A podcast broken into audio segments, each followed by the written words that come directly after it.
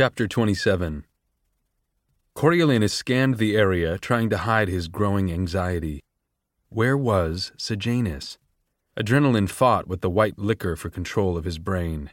He'd been so steeped in music and alcohol that he really didn't know when Sejanus had disappeared.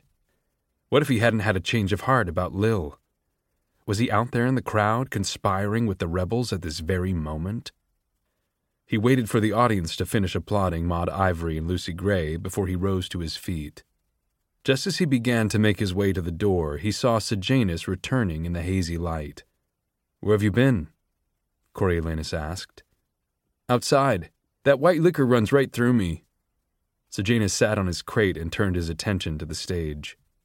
Coriolanus resumed his seat as well, his eyes on the entertainment, his thoughts anywhere but. White liquor didn't run through anyone. It was too strong, the amount consumed too small. Another lie. What did that mean? That he couldn't let Sejanus out of his sight for one second now?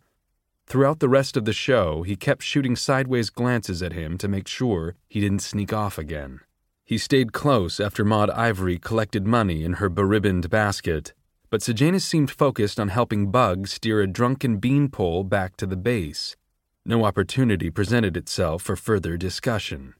If, in fact, Sejanus had slipped away to plot with the rebels, Coriolanus's directly confronting him after the Billy Taupe incident had obviously failed. A new strategy was clearly called for. Sunday dawned too brightly for Coriolanus's throbbing head. He threw up the white liquor and stood in the shower until his eyes focused properly again. The greasy eggs at the mess hall were unthinkable, so he nibbled on his toast while Sejanus finished both of their helpings, only confirming Coriolanus's suspicions that he'd consumed next to no alcohol the night before, certainly not enough to have it run through him. Their three bunkmates had not even managed to get up for breakfast. Until he thought of a better approach, he'd have to watch him like a hawk, especially when they left the base. Today, anyway, he'd need a companion to go to the lake. Although Coriolanus's own enthusiasm had waned, Sejanus cheerfully accepted the invitation. Sure. It sounds like a holiday. Let's take some ice. While Sejanus talked cookie out of another plastic bag, Coriolanus went to the clinic for an aspirin. They met up at the guardhouse and then set out. Not knowing a shortcut to the seam, they returned to the town square and retraced their steps from the previous week. Coriolanus considered attempting another heart to heart with Sejanus, but if the threat of being found guilty of treason didn't move him, what would? And he didn't know for sure that he'd been conspiring with the rebels.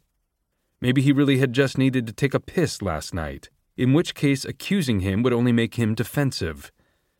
The only real evidence he had was the hidden money, and maybe Strabo had insisted he take it, but Sejanus was determined never to use it. He didn't value money, and munitions money was probably burdensome to him. It might be a point of honor with him, to make it on his own. If Lucy Gray was still upset about their tiff, she didn't show it. She greeted him at the back door with a kiss and a glass of cold water to tide him over until they reached the lake. It's two to three hours, depending on the briars, but it's worth it. For once, the covey left their instruments behind.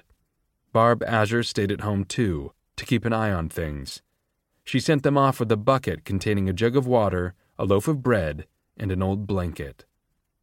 She just started seeing a gal down the road, confided Lucy Gray when they were out of earshot of the house. Probably glad to have the place to themselves for the day. Tam Amber led the rest of them across the meadow and into the woods. Clerk Carmine, Maud Ivory, and Sejanus formed a line behind him, leaving Lucy Gray and Coriolanus to bring up the rear. There was no path. They followed single file, stepping over fallen trees, pushing aside branches, trying to skirt the prickly bushes that popped up in the undergrowth. Within ten minutes, nothing remained of District 12 but the acrid smell from the mines.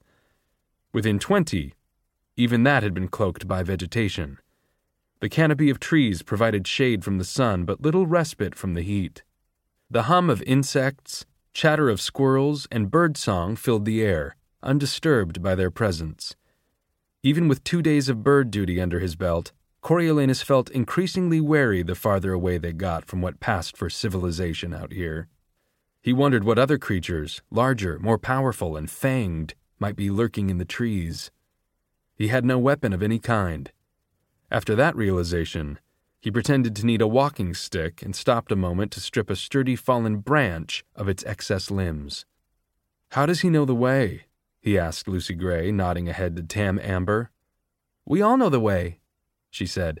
It's our second home. As no one else acted concerned, he trooped along for what seemed like an eternity, happy when Tam Amber pulled the group up. But he only said, About halfway. They passed around the bag of ice, drinking what had melted and sucking on the remaining cubes. Maud Ivory complained of a pain in her foot and pulled off her cracked brown shoe to show a good sized blister. These shoes don't walk right, they're an old pair of Clerk Carmine's. We're trying to make them last the summer, said Lucy Gray, examining the little foot with a frown. They're too tight, said Maud Ivory. I want herring boxes like in the song. Sejanus crouched, offering her his back. How about a ride instead? Maud Ivory scampered aboard. Watch out for my head! Once the precedent was set, they took turns carrying the little girl. No longer needing to exert herself, she used her lungs for singing. In a cavern, in a canyon, excavating for a mine, dwelt a miner, forty niner, and his daughter, Clementine. Like she was, and like a fairy, and her shoes were number nine. Herring boxes, without topses, sandals were for Clementine. To Coriolanus's dismay, a mockingjay chorus picked up the melody from high in the branches. He'd not expected them to be out this far. The things were positively infesting the woods. But Maud Ivory was delighted and kept the racket going. Coriolanus carried her the final leg and distracted her by thanking her for the Lucy Gray song the night before. What'd you make of it? she asked. He dodged the question. I liked it very much. You were fantastic. Thanks, but I meant the song. Do you think people really see Lucy Gray or they're just dreaming her? she said. Because I think they really see her, only now she flies like a bird. Does she? Coriolanus felt better that the cryptic song was at least subject to debate, and he wasn't too dim to grasp the one erudite interpretation. Well, how else can she not make footprints? she said. I think she flies around and tries not to meet people because they'd kill her because she's different. Yeah, She's different. She's a ghost, bonehead, said Clerk Carmine. Ghosts don't leave footprints because they're like air. Then where's her body? Asked Coriolanus, feeling that at least Maud Ivory's version made some sense. She fell off the bridge and died. Only it's so far down no one could see her. Or maybe there was a river and it washed her away, said Clerk Carmine. Anyway, she's dead and she's haunting the place. How can she fly without wings? She didn't fall off the bridge. The snow would look different where she was standing, Maud Ivory insisted. Lucy Gray, which is it? It's a mystery, sweetheart, just like me. That's why it's my song, Lucy Gray answered. By the time they arrived at the lake, Coriolanus was panting and parched, and his rash burned from his sweat. When the Covey stripped down to their undergarments and plunged into the water, he lost no time in following suit. He waded out, and the cold water embraced him, clearing the cobwebs from his head and soothing his rash. He swam well, having been taught from an early age in school, but had never tried it anywhere but a pool. The muddy lake floor dropped off quickly, and he had a sense of deep water. He cruised out to the middle of the lake and floated on his back, taking in the scenery. The woods rose up all around, and although there seemed to be no access road, Small, broken houses dotted the banks. Most were beyond repair, but a solid looking concrete structure still had a roof, and a door shut tight against the wild. A family of ducks swam by a few feet away, and he could spot fish down below his toes. Concern over what else might be swimming around him prompted him to head back to shore, where the covey had already pulled Sejanus into some kind of keep away game, using a large pine cone for the ball. Coriolanus joined in, glad to be doing something just for fun. The strain of being a full fledged adult every day had grown tiresome.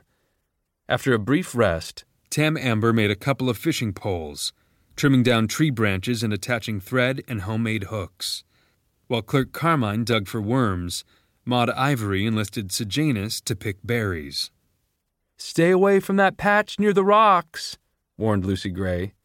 Snakes like it there. She always knows where they'll be, Maud Ivory told Sejanus as she led him away.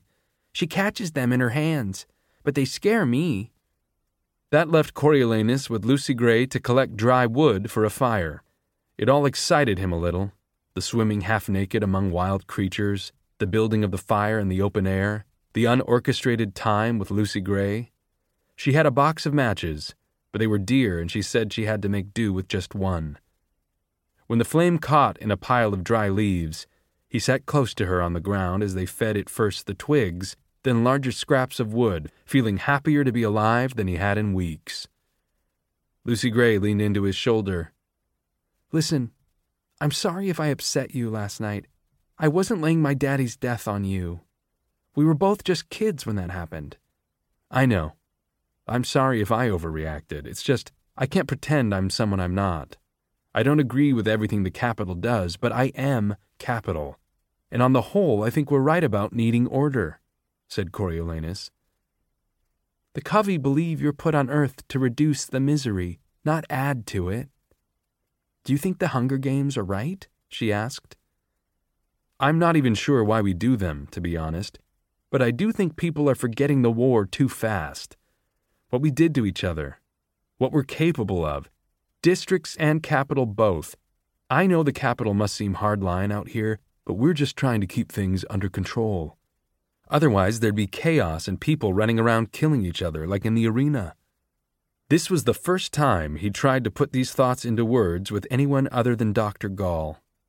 He felt a little unsteady, like a toddler learning to walk, but he felt the independence of getting on his feet as well.